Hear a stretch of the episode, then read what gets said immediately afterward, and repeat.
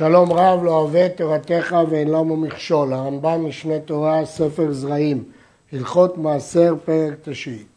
בימי יוחנן כהן גדול, שהיה אחר שמעון הצדיק, כלומר שהיה כהן גדול אחר שמעון הצדיק, שלחו בית דין הגדול ובדקו בכל גבול ישראל ומצאו שהכל זעירין בתרומה גדולה ומפרישין אותה אבל מעשר ראשון או מעשר שני או מעשר עני, היו עמי הארץ מישראל מקילין על עצמן, ולא היו מפרישים אותה. גילו שהאנשים מפרישים תרומה גדולה, אבל עמי הארץ לא מפרישים מעשרות. מדוע? הסיבה היא שתרומה היא במיתה. ולכן הם הפרישו אותה, ועוד שאפשר בקלות להפריש אותה, כי חיטה אחת מהתורה פותרת את כל הקרי. אבל המעשרות הם לא במיתה, וגם הכמות שלהם היא גדולה, ולכן הם הקלו בזה. אבל יש לשאול, שהרי בתוך מעשר ראשון יש גם תרומת מעשר, ותרומת מעשר היא כן במיתה, ומדוע הם לא החמירו בתרומת מעשר? התשובה היא שהם סברו שעד שלא הפרישו את המעשר, אין שם של תרומת מעשר, ולכן היא לא במיתה. ועוד, שהמיתה בתרומת מעשר לא מפורשת בתורה. לפיכך גזרו, בגלל הממצאים האלה של הבדיקה, גזרו שלא יהיה נאמן על המעשות אלא אנשים נאמנים כשרים, אבל עמי הארץ פירותיהם ספק. ואינם נאמנים לומר מאוסרינה, וזהו הנקרא דמאי. אמנם הגמרא אומרת שרוב עמי הארץ מעשרים, אבל כיוון שיש מיעוט שלא מעשרים, למרות שמהתורה הולכים אחרי הרוב, כיוון שראו בדין שהמיעוט הזה הוא מיעוט רציני, אז לכן גזרו לקרוא לפירותיהם דמאי. יש מפרשים דמאי דמאי, מה זה? כלומר שזה ספק. ורק מי שנאמן, הוא נאמן לומר שהם מאוסרים כראוי. ובהמשך נראה מיהו הנאמן. והתקינו שלא יהיה אדם מפריש מן הדמאי אלא תרומת מעשר, מפני שהוא עוון מיתה. ומעשר שני, שאין בזה הפסד, שהרי בעליו אוכלים אותו. אבל מעשר ראשון ומעשר עני אין מפרישים מן הדמאי, מפני שהוא ספק, והמוציא מחברו עליו הראייה, לפיכך אומרים ללוי או לעני, הווה ראייה שאינו מאוסר וטול מעשרו. לכן התקינו שאדם שקונה פירות מעם הארץ, ומי שהוא לא נאמן, הוא יכול להניח בוודאות שהפרישו מזה תרומה גדולה, אבל הוא לא יכול להניח שהפרישו מעשרות, כי אמרנו שיש מיעוט גדול שלא היו מפרישים מעשרות. אז מה הוא יעשה? מה הוא יפריש? תרומת מעשר הוא חייב להפריש, ולצורך זה הוא צריך קודם לקרוא שם למעשר ראשון. הוא חייב להפריש תרומת מעשר מפני שהיא במיתה. אבל מעשר ראשון ומעשר עני זה רק ממון בעלים, זה רק ממון, זה חיוב. כיוון שזה רק ממון וזה ספק, המוציא מחברו עליו הראייה, לכן הוא קורא שם, אבל הוא לא צריך להפריש מפני שזה ספק. ולגבי מעשר שני, מסביר הרמב"ם שגם כאן, למרות שאין חיוב מיתה, חייבו להפריש מעשר שני, כיוון שסוף סוף הוא יוכל לאכול את זה בעצמו. כיוון שהוא יאכל את זה בעצמו, אז לכן לא אה, חששו להכביד עליו להפריש מעשר שני, כי בסך הכל הוא צריך לפדות אותו ולעלות ולאכול אותו בירושלים, ולכן אה, לא החמירו עליו, לא הקלו עליו, אלא דרשו ממנו להפריש מעשר שני. ויש שואלים, הרי יש דעות שתבל שטבעו למעשר שני, יש בו גם כן עונש מיתה, כי מעשר שני זה קודש. התשובה היא, פני שלדעת הרמב"ם בפרק י' מהלכות מאכלות אסורות הלכה כ', שאין חיוב מיתה על תבל שטבול רק למעשר שני. הפרישו ממנו תרומות ורק לא מעשר שני, לפי הרמב"ם הוא לא חייב מיתה. נגד דעת ראשונים אחרים, ולכן לפי הרמב"ם השאלה היא במקומה, מדוע חייבו אותם להפריש מעשר שני? הרי זה לא במיתה כמו התרומות, ועל כך השיב הרמב"ם שאין בזה הפסד, הוא יכול לעלות ולאכלו בירושלים. אבל לפי ראשונים אחרים, השאלה בכלל לא נשאלת, מכיוון שמעשר שני הוא גם כן מחייב מיתה למי שיאכל תבל שטבעו למעשר שני. ולכן לשיטתם פשוט שחייבו גם מעשר שני. אף על פי שאין מפרישין מעשר עני מן הדמאי, צריך לקרות לו שם ואינו מפריש. הוא חייב להגיד שיש פה מעשר עני, ואומר, איסור ממה שיש כאן מעשר עני, כדי לקבוע מעשר שני, שמעשר עני בשלישית ושישית, במקום מעשר שני של שאר שני השבוע. אומר הרמב"ם שיש דין לקרוא מעשר עני. למה? הרי בין כך הוא לא נותן אותו לעני כי המוציא מחברו עליו הראייה, והוא לא קדוש. אז לשם מה יש צורך להפרי... לקרוא לו שם אם אתה לא מפריש? התשובה היא, נכון, למעשר עני לא היה צריך לקרוא, אבל כיוון שלמעשר שני חייבים לקרוא שם, וכיוון שמעשר שני ומעשר עני מתחלפים בשנים, אם נאמר שלא צריך לקרוא שם למעשר עני, אדם מטעה ולא יקרא שם, לא יקרא שם גם למעשר שני. לכן חייבו אותו לקרוא שם למעשר עני, בגלל שיקרא שם גם למעשר שני. כשמפרישים מן הדמאי תרומת מעשר ומעשר שני, אין מברכים עליהם, לפי שהוא ספק. לפיכך, מותר להפרישן כשהוא ערום. ההלכה היא שמברכים על הפרשת תרומות ומעשרות, אבל על הפרשת דמאי לא מברכים, ואסור לברך, כי זאת תהיה ברכה לבטלה. מדוע?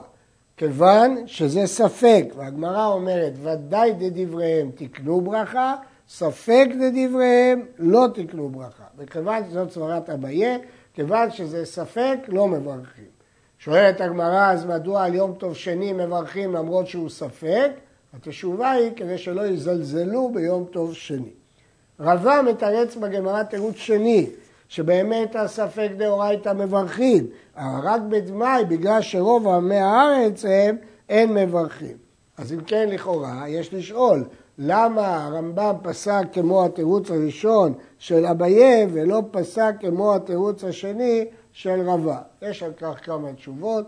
יש אומרים שרבה לא חולק על אביי, אלא הוסיף תירוץ, שכאן זה רוב. הוא מודה שספק אה, לא מברכים. הוא רק אומר שפה יש עוד טעם מפני שזה רוב, ויש גם תשובות אחרות לשאלה זאת, אבל הרמב"ם ועוד הרבה פוסקים פסקו להלכה שכל ספק מצווה דה רבנן לא מברכים.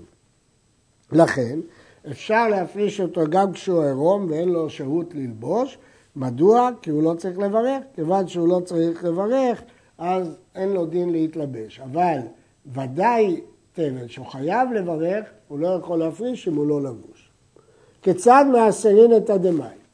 מפריש כדי תרומת מעשר שהיא אחד ממאה מן הכל, ומניחה בצד הפירות. הוא עוד לא קורא לשם, הוא רק שם את זה בצד סמוך לפירות, שיישאר מוקף, ואומר, זה מעשר לא תרומת מעשר, אומר זה מעשר, אחד ממאה זה מעשר, ושאר מעשר סמוך לו. ועוד תשעה חלקים כמותו סמוכים לו יהיו מעשר. אחר כך הוא אומר, זה שאמרתי עליו שהוא מעשר, האחד ממאה, הרי הוא תרומת מעשר, השאר מעשר הסמוך לו. מדוע לעשות את כל הדבר הזה? מכיוון שהוא לא יכול להפריש מראש את המעשר, כי אם הוא יפריש, הוא כבר יהיה חייב לתת אותו. אז את המעשר הוא לא מפריש, אבל הוא גם לא יכול לקרוא שם לתרומת מעשר לפני שהוא קרא מעשר. לכן השיטה היא, וכך אנחנו נוהגים היום, להפריש אחד ממאה, לשים אותו סמוך לפירות ולהגיד הוא ועוד תשעה חלקים עשויים מעשר ראשון, אחר כך להגיד הוא עשוי תרומת מעשר עליו. ונותן אותה ונותנה לכהן, שאינו רשאי להפריש תרומת מעשר קודם מהמעשר לכתחילה. אמנם בדיעבד, לפי הרמב"ם זה אפשרי, אבל לכתחילה זה בלתי אפשרי. ואחר כך מפריש מעשר שני, לפי הסדר, מפרישים קודם מעשר ראשון ואחר כך מעשר שני. ומותר להפריש מעשר שני קודם הראשון בדמי. למרות שבוודאי חייב קודם להפריש מעשר ראשון ואחר כך מעשר שני, אבל בדמאי יכול להחליף. למרות שהרמב"ם נקט קודם לפי הסדר, אבל בדמאי, אם רצה, יכול להחליף. ואומר, מעשר שני של פירות אלה בצפונם או בדרומם, והרי הוא מחולל על המעות, ואז המעות הם קדושים, והפירות הוא יכול לאכול. וכן הלוקח כיכר מן הנחתום, שהוא חייב בהפרשת חלה, מפריש ממנה כדי תרומת מעשר וחלה. פה הוא צריך להוסיף על תרומת מעשר גם את החלה. בדמאי לא היינו צריכים, כי הנחנו שם מארץ הפרישו כבר תרומה גדולה. ואומר אחד ממאה ממה שיש כאן הרי הוא מעשר, ושאר מעשר סמוך לו. זה שעשיתיו מעשר עשוי תרומת מעשר על שאר המעשר סמוך לו, ויתר על אחד ממאה שיש בזה שהפרשתי הרי הוא חלה, ומעשר שני בצפונו ובדרומה, והרי הוא מחולל על המעות ואוכל, בדיוק כמו שאמרנו קודם. אני רוצה להדגיש, מה שאמרנו שהוא מפריש רק אחד ממאה בסדר הפרשה, זה מפני שהוא לקח מן הדמאי, ואנחנו מניחים שעם הארץ תרם, אבל כאשר היום אדם קונה פירות והוא לא יודע אם תרמו או לא, בכלל לא ברור שיש לזה דין של דמאי, כי אף אחד לא בדק שהיום רוב עמי הארץ מהעשרים וכדומה, ולכן היום הוא יצטרך לקחת יותר מאחד ממאה ולהגיד היותר מאחד ממאה יהיה תרומה גדולה, כיוון שהוא לא יכול להניח שהפרישו מהפירות האלה תרומה גדולה. וכן המזמן את חברו שיאכל אצלו, והוא אינו מאמינו על המעשרות. אומר מערב שבת, מה שאני עתיד להפריש למחר, הרי הוא מעשר. ושאר מעשר סמוך לו. וזה שעשיתי מעשר, עשוי תרומת מעשר על השאר הסמוך לו, ומעשר שני בצרונו ובדרומו, והרי הוא מחולל על המעות, הוא עושה תנאי שמשהו יפריש מחר יהיה לפי הסדר הזה, מפני שמותר לאדם להתנות תנאים אלו על הדמאי אף על פי שאינו ברשותו. כיוון שזה דמאי, אז יכול לעשות תנאים אפילו שזה לא ברשותו. ואז בשבת הוא יפריש ואחר כך יאכל. לכן אין פה דין ברירה, כי הוא יפריש. הוא לא אומר מה שאני אשייר ממאכלי, אלא הוא יפריש. ואם תשאל, הרי אסור להפריש תרומות בשבת, כיוון שהוא עשה תנאי מערב שבת, אז זה מותר. אבל בוודאי, אם זה היה תבל, אינו מתנה אלא על דבר שברשותו. כיצד? היו לו מעט תאנים של תבל בתוך ביתו, והוא בבית המדרש או בשדה, הוא מתיירא שמא תחשך, ואינו יכול להסר בשבת. אומר, שני תאנים שאני עתיד להפרישן, כלומר אחד מחמישים, מידה בינונית, הרי הם תרומה, תרומה גדולה. ועשר שנים מפריש אחריהם, מעשר ראשון, ותשע שנים מפריש אחריהם, מעשר שני. ולמחר מפריש ואוכל. אני מדגיש, קודם מפריש ואחר כך אוכל, כי אחרת זה תלוי בברירה, וכיוון שזה תבל, בדאורייתא אין ברירה, תבל הוא חייב מהתורה, ובתורה אין ברירה. כמובן, אם בימינו פירות לקוחים מהשוק או תרומה בזמן הזה דה רבנן, הדין משתנה כי יש ברירה. אבל בדאורייתא אין ברירה. וצריך לרכוש בשפתיו בשעה שמפריש זו אחר זו. בשבת, למרות שהוא כבר עשה תנאי, הצריכו אותו לרכוש בשפתיו. ואינו כמתקן בשבת, שהרי הקדים תנאי. כיוון שהוא כבר הקדים תנאי, הוא לא נראה כמי שמתקן בשבת, בגלל שהוא איסר, הוא התנה בערב שבת. הרמב"ם דורש שכשמעשר עוד פעם הצליחו להוציא בשפתם, כדי שלא יסמוך על מה שעשה בערב שבת ולא יסתפקו במחשבה. דעת הגר"א שאין צריך ומספיק במחשבה על סמך התנאי שהוא עשה, זה תלוי בירושלמי כאן. ותבל שיש עליו תנאי זה, מותר לטלטלו בשבת קודם שיפריש, אין לו דין מוקצה, כי הוא מיועד להפרשה, אבל רק לפני שיפריש, כי אחרי שיפריש זה יהפך למוקצה. ונותן עיניו בצד זה ואוכל את השאר. הוא יכול לתת עיניו בצד זה ולאכול את השאר. שוב, זה לא ברירה, כי הוא כבר קבע את מקום המעשר, רואה אותו בנפרד. נתן לו עם הארץ כוס לשתותו והוא לא סומך עליו, אומר מה שאני עתיד לשייר בשולי הכוס הרי הוא מעשר, ושאר מעשר סמוך לו. וזה שעשיתי מעשר עשוי תרומת מעשר על השאר הסמוך לו, ומעשר שני בפי הכוס, והרי הוא מחולל על המעות, ושותה ומניח כדי תרומת מעשר בשולי הכוס. כאן הוא סומך על מה שהוא ישייר. איך הוא יכול לסמוך? זה רק על דעת ברירה, כי הוא מגדיר היום במשהו שיקרה מחר, זה נקרא ברירה. איך הוא יכול? כי זה פירות עם הארץ, זה דמאי, דמאי זה דרבנן. בדרבנן יש ברירה, ולכן הוא יכול לסמוך על מה שהוא ישייר. אני רוצה להדגיש שזאת מחלוקת תנאים, יש תנאים אומרים גם בדאורייתא יש ברירה, אבל אנחנו פוסקים שבדאורייתא אין ברירה, בדרבנן יש ברירה, כך כותב הרמב"ם כמה פעמים. וכן אם זימנו חברו לשתות אצלו בשבת, מתנה כתנאי הזה מערב שבת על כל מה שישתה אצלו. וכן פועל שאינו מאמין לבעל הבית, והרי מותר לו לאכול תוך כדי עבודה, זה דין פועל. אבל הוא לא מאמין שזה מאוסר. נוטל גרוגרת אחת ואומר, זו ותשע הבאות אחריה עשויות מעשר על המאה שאני עתיד לאכול. וזו אחת תרומת המעשר על העשר הבאות אחריה, ומעשר שני הוא העשר האחרונות, והרי הוא מחולל על המעות, ונותן הגוגרת שהפריש לכהן. והפועל מפריש לעצמו דמי מעשר שני. מעשר שני הוא מפריש לעצמו. ואם תשאל, כיצד הוא יכול לתת גוגרת לכהן על חשבון בעל הבית? הרי בעל הבית התיר לו לאכול, לא לתת לכהן. שתנאי בדין הוא שתהיה תרומת מעשר משל בעל הבית ומעשר שני משל לפועל. זה תנאי בדין שהגוגרת הזאת תהיה על חשבון בעל הבית, אבל מעשר שני על חשבון הפועל, כי סוף סוף הוא אוכל את זה. יש להעיר שבמשנה הזאת מחלוקת. יש דעה שהוא צריך לחסוך גוגרת אחת מהמאכל שלו תמורת הגוגרת שהוא נתן לכהן, אבל אנחנו פוסקים כדת התנאים, רבי יוסי, שזה תנאי בדין, הוא לא צריך לחסוך. המשנה אומרת תנאי בדין על המשפט הראשון, שתרומת מעשר משל בעל הבית, אבל הרמב"ם מוסיף על פי הירושלמי, התוספתא, שתנאי בדין כולל שמעשר שני של הפועל.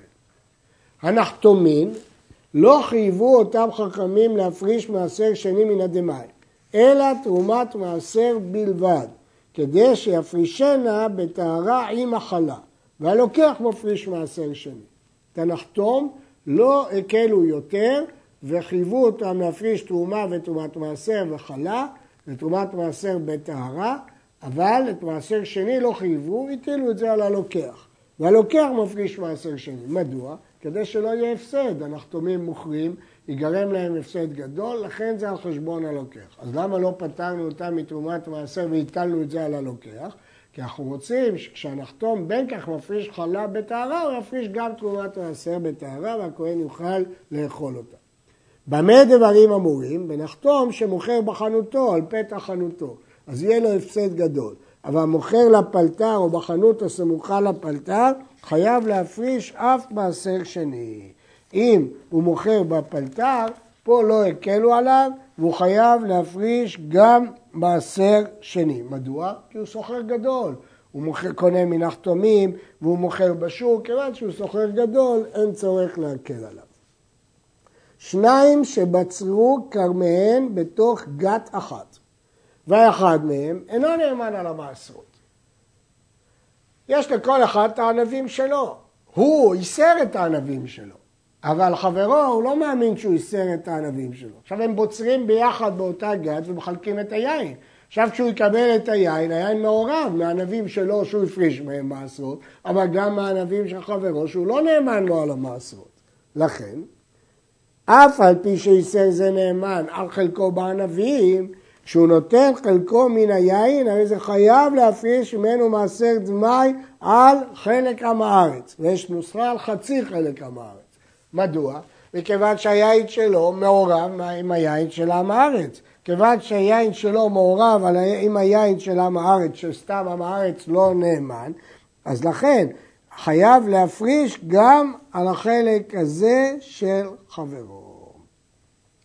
הוא ידגים את זה. כיצד? היו מחצה למחצה, אם השותפות היא חצי חצי, ונטל בחציו 200 לוג יין, הרי זה מפריש ממנו לוג אחד תרומת מעשר, ועשר מעשר שני כנגד המאה לוג, דהיינו החלק של חברו. הפריש המעשר של ודאי תחילה על חצי כל שדרכו בגן.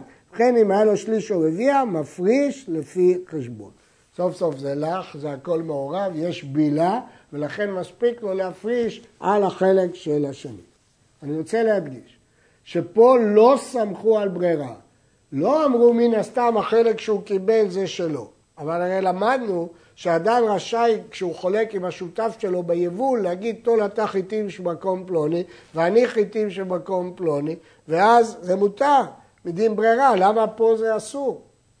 התשובה היא, כיוון שכאן כבר בענבים, הוא הביא ענבים שלו והוא ענבים שלו, כל דבר שהוכר בתחילה ואחר כך נתערב, אין בו דין ברירה. ולכן הוא לא יכול לסמוך פה על ברירה, אפילו בדרבנן. עד כאן.